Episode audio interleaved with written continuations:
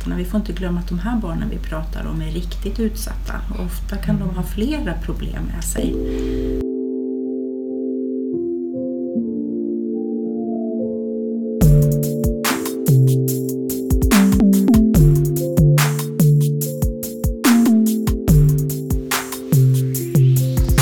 Hej och välkommen till FoU-podden.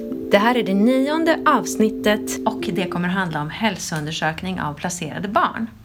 Jag som leder podden heter Lena Stenbrink och med mig här i studion har jag Cecilia Moore, Ylva Tindberg och Maria von Willigråde. Varmt välkomna! Tack. Tack. Skulle ni kunna börja med att bara berätta lite om er och presentera er? Vilka är ni? Jag heter Cecilia Moore och jag arbetar som utvecklingsledare här på FoU i Sörmland. Jag arbetar med frågor som rör barn och unga och en sån fråga som har varit eh, väldigt i blickfånget det handlar om att barn och unga som ska placeras för vård utanför det egna hemmet eh, ska ha möjlighet att bli hälsoundersökta. Mm. Eh, Jag heter Maria von Willegråde. Jag jobbar som barnutredare på socialtjänsten. Har gjort det i snart 11 år Eh, och är nu i Katrineholms kommun. Och jag heter Ylva Timberg och är barn och ungdomsläkare. Sedan fyra år tillbaka är jag barnhälsovårdsöverläkare i Sörmland. Och eh, håller särskilt på med frågor som handlar om barn i utsatthet. Barnhälsovårdens uppgift är ju egentligen att bevaka de små barnen innan man börjar skolan men som barn och ungdomsläkare så har jag också långt intresse utav skolbarn och ungdomar. Så att eh, vara med på ett hörn här och fundera hur vi kan göra det bästa möjliga för barn och ungdomar under hela spannet har känts jätteviktigt. Ja, det känns som ni täcker upp en hel del tillsammans, måste jag säga. Mm. Kan ni berätta lite om det här arbetet med hälsoundersökningar inom socialtjänsten? Man vet från olika kartläggningar och olika studier att eh, just barn och unga som växer upp i samhällsvård, säger man ibland, och, och, menar då barn och unga som är placerade, att de har inte eh, fångats upp av den förebyggande hälso och sjukvården eller tandvården i alls samma höga utsträckning som andra barn, som grupp betraktat. Gäller det alltså även barn som har varit placerade länge? Ja, man kan även se det här när de har varit placerade länge, att de har eftersatta behov. Och eh, då har man ju velat rätta till det här att alla barn och unga ska ha samma chans till en god hälsa. Och sedan ett och ett halvt år tillbaka så finns det därför en lag om eh, landstingets skyldighet att erbjuda de här eh, barnen och unga personer upp till 20 upp till deras 21-årsdag kan man säga, eller innan de fyller 21, en hälsoundersökning. Och d- på motsvarande sätt så finns det då en bestämmelse för socialtjänsten i socialtjänstlagen att när man plac- placerar ett barn eller en ungdom eller en ung vuxen så ska man underrätta landstinget om det här för att annars vet ju inte landstinget om att de ska erbjuda en hälsoundersökning. Och det har vi eh, rutiner och överenskommelser om här i Sörmland mellan kommunerna och landstinget. Okej. Mm. Så då blir de kallade ett visst antal gånger eller en gång eller? Om allt fungerar som det ska så får de ett erbjudande till en hälsoundersökning av den fysiska och psykiska hälsan och så får de ett erbjudande från tandvården om att undersöka sin tandhälsa. Mm. Eh, Det kanske inte är så att 100% har behovet men det finns ett förbättringsarbete att göra. Eh, Och då handlar det mycket om att socialtjänsten verkligen underrättar landstinget och att landstinget sedan erbjuder de här hälsoundersökningarna. Men, eh, men steg ett är att landstinget får veta att barnen finns, för vet man inte det så kan man inte göra någonting. Nej, det verkar svårt. Och jag tänker att eh, landstinget får reda på att barnet har hamnat i den här situationen är jätteviktigt. Jag måste ju säga att landstinget ibland brister i att se det som finns Mm. att se men det är också sporadiska kontakter och det är inte alltid man kan knäcka det här själv. Men om socialtjänsten har fått den samlade kunskapen att här är det ett barn som inte har det bra Mm. om man kontaktar hälsovården Mm. utifrån den ålder barnet har så har ju hälso och sjukvården möjlighet att faktiskt se det här barnet utifrån en helt ny situation och med nya glasögon. Och tänka, Mm. vad behöver det här barnet Mm. och vårdnadshavaren eller den nya familjen för att stötta barnet till bästa möjliga utveckling? Mm. Men sa du inte att det var en rutin att man ska, så fort ett barn i alltså första placeringen, att man ska då underrätta Jo? Ja. Ja, det stämmer. Det finns, det finns en sån överenskommelse. Man har bestämt, alltså kommunerna och, och eh, landstinget, om att man ska göra det och nu finns det också en lag och bestämmelser om att man ska göra det. Och sen så har vi tillsammans, olika företrädare för socialtjänsten och hälso och sjukvården och tandvården, och suttit ner tillsammans och tittat på hur ska vi göra för att det här ska fungera på bästa möjliga sätt. Eh, att ta fram en rutin är ett arbete, men sen så måste vi ju hela tiden se till att den här rutinen blir levande och känd långt ut i verksamheterna. Alltså bland alla socialsekreterare som möter barn och utreder barn och bland alla de som eh, arbetar inom primärvården, både på BVC-mottagningar och på vårdcentralerna, för det är där som barnen ska få sin undersökning. Mm. Man kan ju säga så här att samhället har sagt att du har av någon anledning inte haft en tillräckligt god omsorg hemma hos din mamma och pappa. De har säkert velat ge dig den, men det, kunnat, det, det finns problem i familjen, det är sådana omständigheter att så har det inte blivit. Och nu går vi in och gör en väldigt liksom, stor intervention i människors liv och säger att du ska bo någon annanstans. Och då tar vi också på oss helt enligt socialtjänstlagens bestämmelser ett extra ansvar för din utbildning och för din hälsa. Mm. Och det är ju så, tänker jag, att det är ju bara vi på socialtjänsten som vet om de här barnen till en början. Det är bara vi som vet att det är dags för dem att flytta, det är bara vi som vet vilka brister som finns. Eh, och därför så är det ju bara vi också som till en början kan se till att den här kontakten tas. Eh, och att de blir uppmärksammade hos oss och hos sjukvården. Eh, och därmed också få den här undersökningen som är grunden för att se vad de behöver och vart bristerna i så fall har funnits och vart man behöver lägga eh, extra mycket fokus på för de barnen. Eh, Maria, jag har hört att ni har eh, gjort ett väldigt bra utvecklingsarbete just i Katrineholm. Ja, eh, det har ju visat sig, har Cecilia berättat, att vi ligger ganska högt högre i alla fall på hälsoundersökningar. Eh, och det, det vi har gjort är väl, alltså vi har ju utifrån de rutiner och riktlinjer som finns att alla barn ska hälsoundersökas så har ju vi liksom också lagt in det här i våra interna rutiner. Så. Eh, vad som ska hända när man vet att det är ett barn som lever i en utsatt situation där det krävs en, ompla- eller en placering en annan lösning utanför hemmet. Så. Eh, och då direkt så, så ska vi liksom börja uppmärksamma det här. Eh, bedöma när i tid det ska ske för barnets bästa. Eh, och sen så har vi ju de rutinerna då hur vi tar kontakt med hälsoval då, som det heter här. Så, som sen är den, den som är länken ut liksom, om man säger, mellan socialtjänst och landstinget sen då för att eh, ordna tider till de här barnen. Så, så vi är ju liksom de som, som jobbar aktivt för att se vilka barn det är och se vilka brister vi ser. Sen kan inte vi se allting men, men det finns en anledning till att vi gör bedömningen att de inte har det tillräckligt bra hemma, så kan man ju säga. Och sen är det professionen läkare eller barnhälsovårdssköterskor eller så då, som får ta den medicinska bedömningen. Så. Men vi ser att det finns en risk i alla fall. Ja, det är ett jätteviktigt arbete och jag tänker också när den här kontakten tas mellan socialtjänsten och hälso och sjukvården att vi också kan ha en dialog innan vi träffar barnet. För det är ju inte allt som man heller från sjukvårdssidan kan gissa sig till om man inte har pratat om svårigheterna. Vi får inte glömma att de här barnen vi pratar om är riktigt utsatta och ofta kan de ha flera problem med sig. Det är ju de föräldrarna som av olika skäl har haft svårt att ja, fullfölja liksom föräldraskapet. Inte sällan är det någon sjukdom, det kan vara psykisk sjukdom. Mm. Missbruksproblematik där väldigt många har mått så dåligt att man behövt vara inneliggande för de här problemen. Eh, 25 procent vet man i statistik av de här barnen har till och med förlorat en förälder. Antingen i mm. sjukdom eller att de har tagit sitt liv.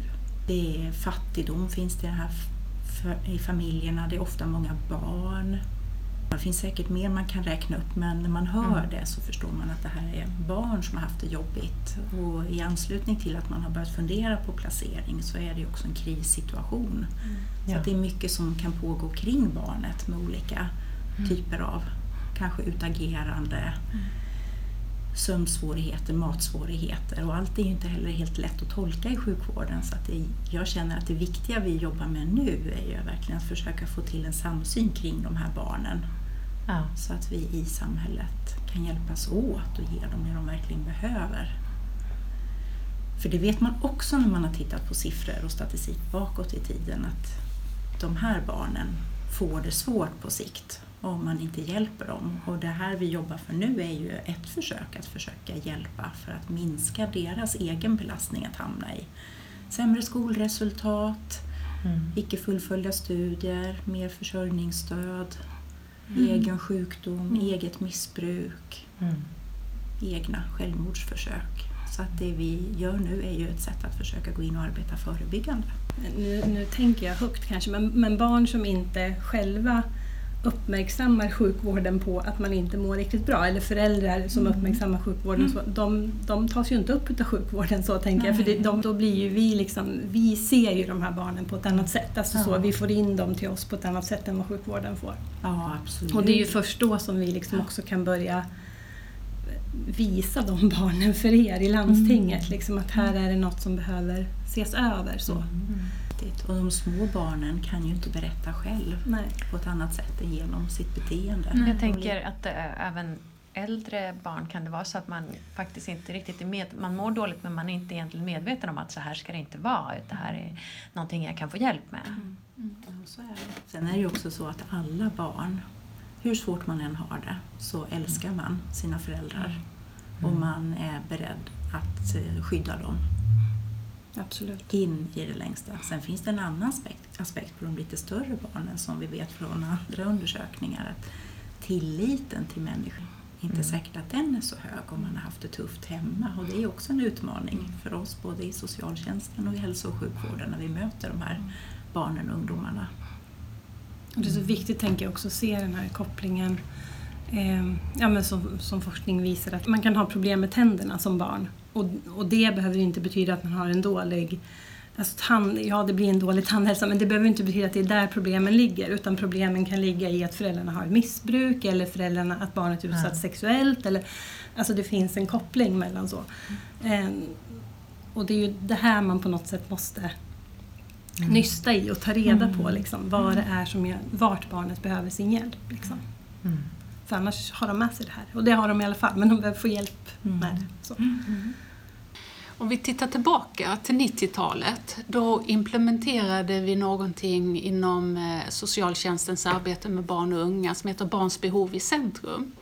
Det är ett dokumentations och utredningssystem när man utreder och ger insatser, till exempel placerar barn och unga som inte kan bo hemma.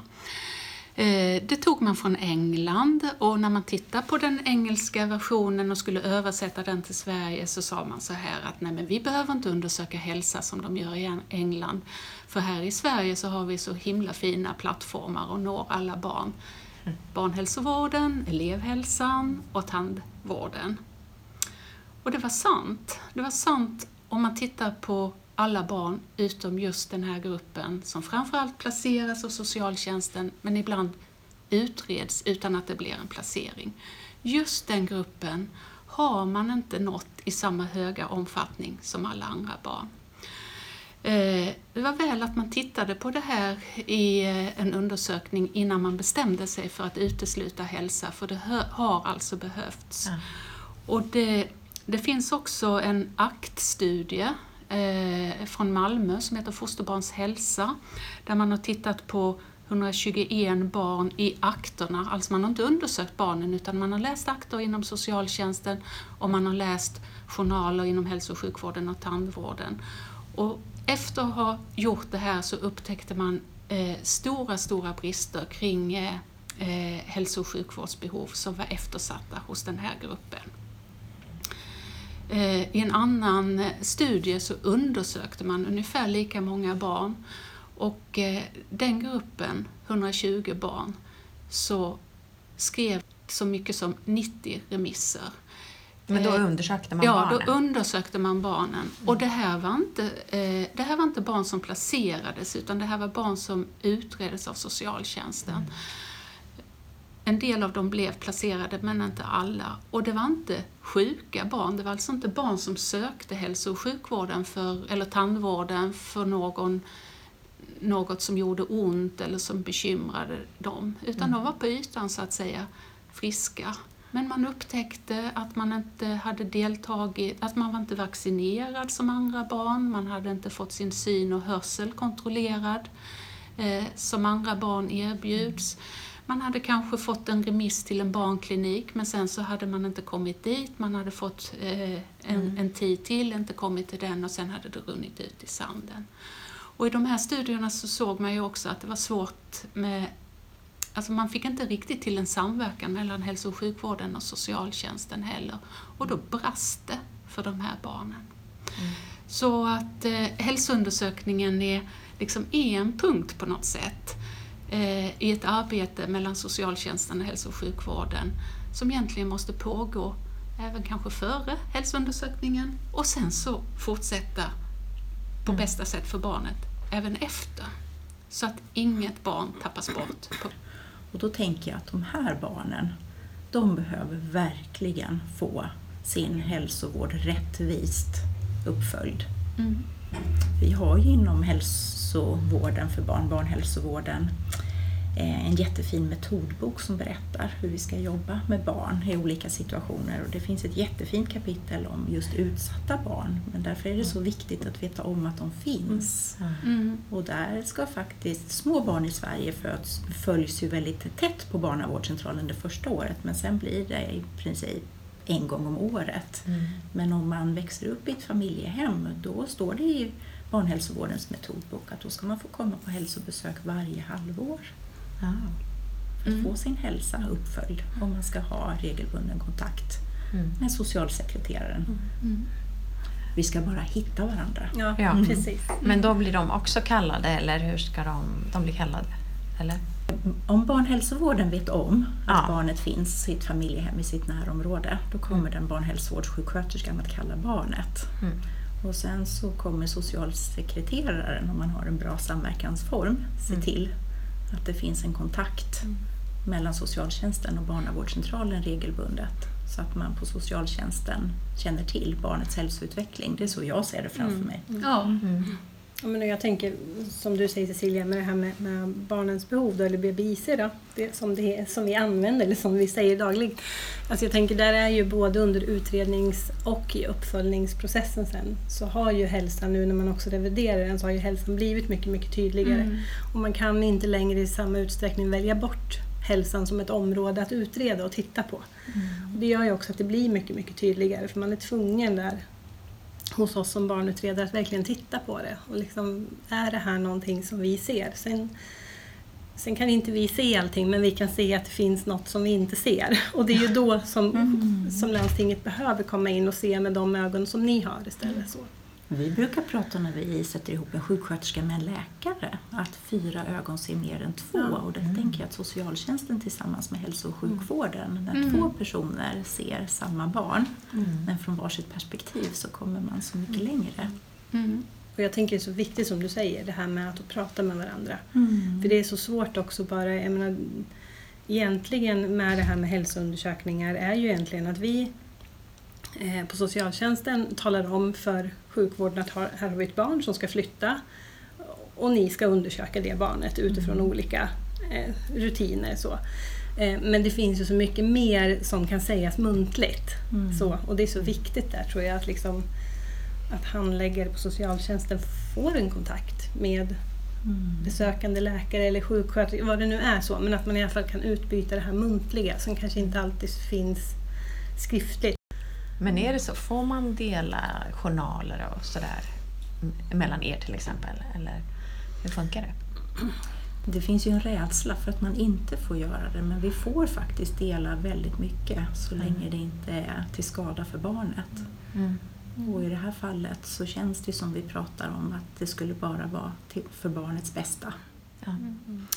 Under en öppen utredning hos socialtjänsten så har man också väldigt stor möjlighet att samla in uppgifter om barnet och man har möjlighet att berätta så mycket så att man kan liksom fullfölja sin utredning. Man kanske inte kan berätta allt.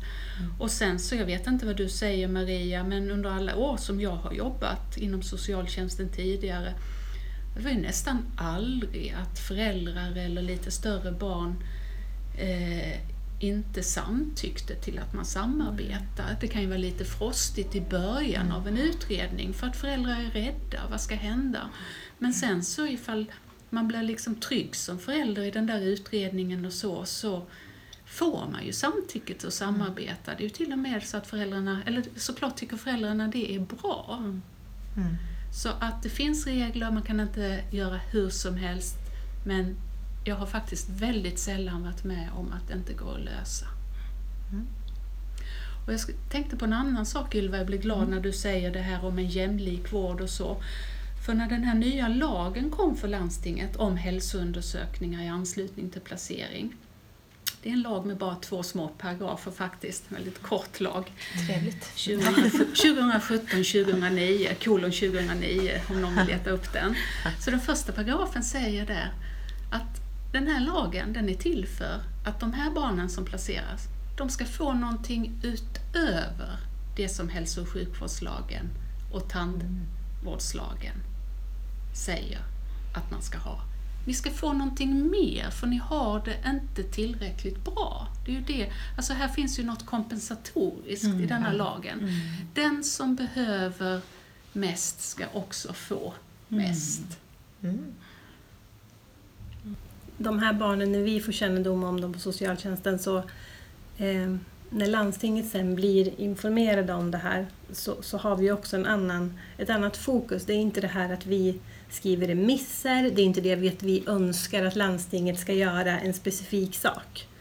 Eh, så, utan det här är liksom en helhetsbedömning. Det här är liksom att samarbeta kring det här barnet och se på dem med de sociala ögonen från oss och se på dem med de vård, hälso och sjukvårdsögonen. Liksom, från, Ja, absolut. Och då ser man så mycket mer. ja, Fyra ögon ser Ja. mer än Ja. två. Och på det här sättet kan det också bli en dialogform. Att med kännedom om varandra, socialsekreteraren och barnhälsovårdssjuksköterskan eller läkaren på vårdcentralen, så pratar man om barnet och om familjesituationen och kan tillsammans göra en bedömning av fler utav hälsans bestämningsfaktorer. Att man inte bara undersöker kroppen utan man faktiskt pratar om hur barnet har det.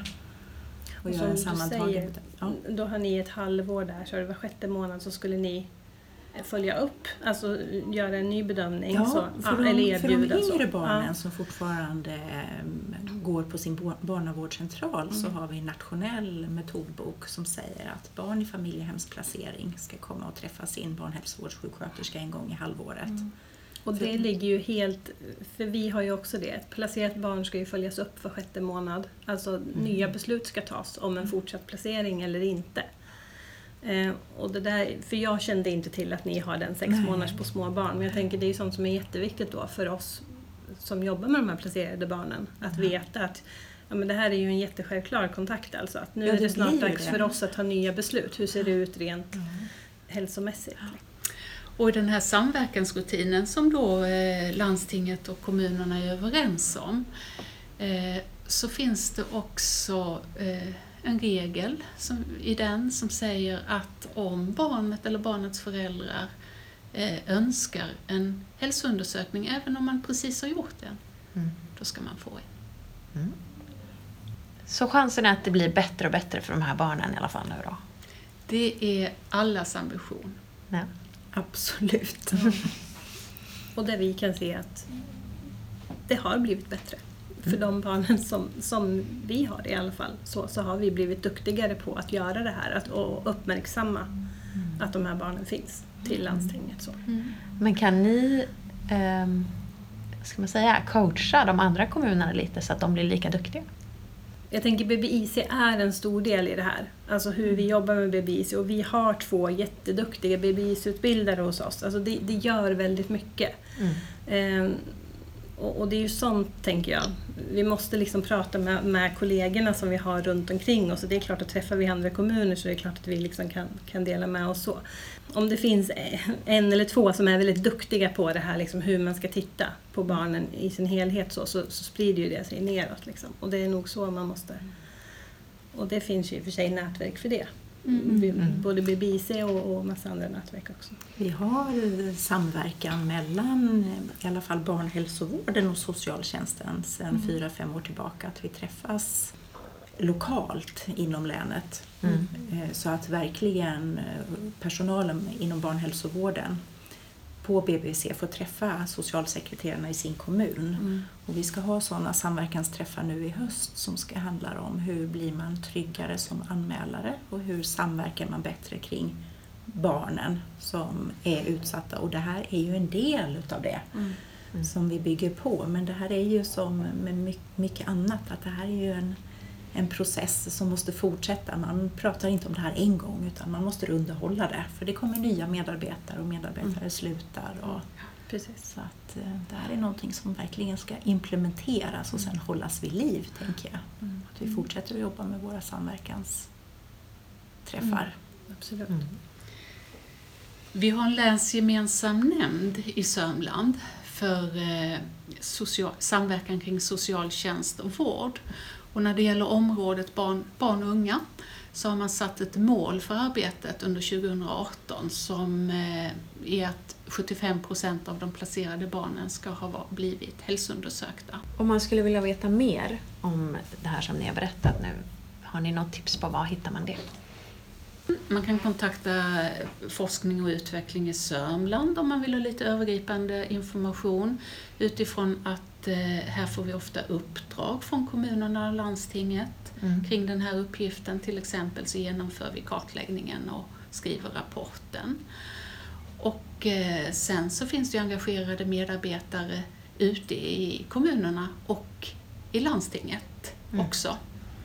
Jag tänker så här att om jag skulle ge något råd till mina medarbetare inom hälso och sjukvården och då tänker jag både på sjuksköterskorna och läkarna som är verksamma vid barnavårdscentralerna men jag tänker också på allmänläkarna som kommer träffa allmänläkarna eller barnläkarna som kommer träffa barnen som har börjat skolan ute på, sin, på den vårdcentral där de går. Så skulle jag för båda de åldersgrupperna våga rekommendera Barnhälsovårdens rikshandbok, vår metodbok. För där finns ett jättefint kapitel som handlar om utsatta barn och även om det är skrivet så att det är tänkt att vara barn 0 till 6 år så får man en väldigt klar känsla för vad är det för saker man ska täcka in i sin hälsoundersökning av ett barn. Vad ska man ha för uppgifter och informationsbyte med socialtjänsten? Vårdnadshavarna och familjehemsföräldrarna.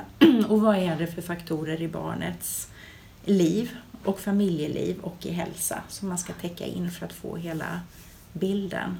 Sen finns det ju utöver det också ett verktyg som är kopplat till vår länsövergripande överenskommelse med både en checklista vad man ska ha med och ett underlag där man fyller i efter sin hälsoundersökning om man just vill ha kött på benen. Vad är det jag ska göra när det här barnet dyker upp? Och var hittar man de här?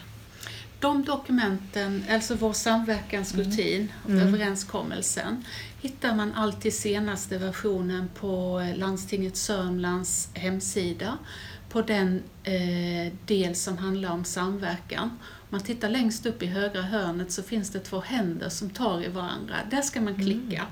Man kan ju också söka på hälsoundersökningar eh, i anslutning till placering så tror jag att man kommer alldeles rätt. Eh, det finns på Socialstyrelsen en rapport som heter Utsatta barns hälsa som eh, också ger en utmärkt sammanfattning om man vill veta lite mer övergripande om det här. Eh, när, jag, när jag sa att man kan också höra av sig till FoU i Sörmland för då, då kan man få lite eh, tips om vad som är på gång i länet. Mm. Och Rikshandboken som barnhälsovården nationellt använder sig utav kan man bara googla på Rikshandboken Okej. och skriva utsatta barn så hamnar man helt rätt. Bra. Ja, men jag får tacka så jättemycket för att ni kom hit och berättade. Tack! Tack för att vi fick komma. Och för dig som lyssnade kan jag berätta att nästa avsnitt av FoU-podden kommer att handla om noden för välfärdsteknik och digitalisering som vi just börjat arbeta med. Tack så mycket för att du lyssnade och ha nu en riktigt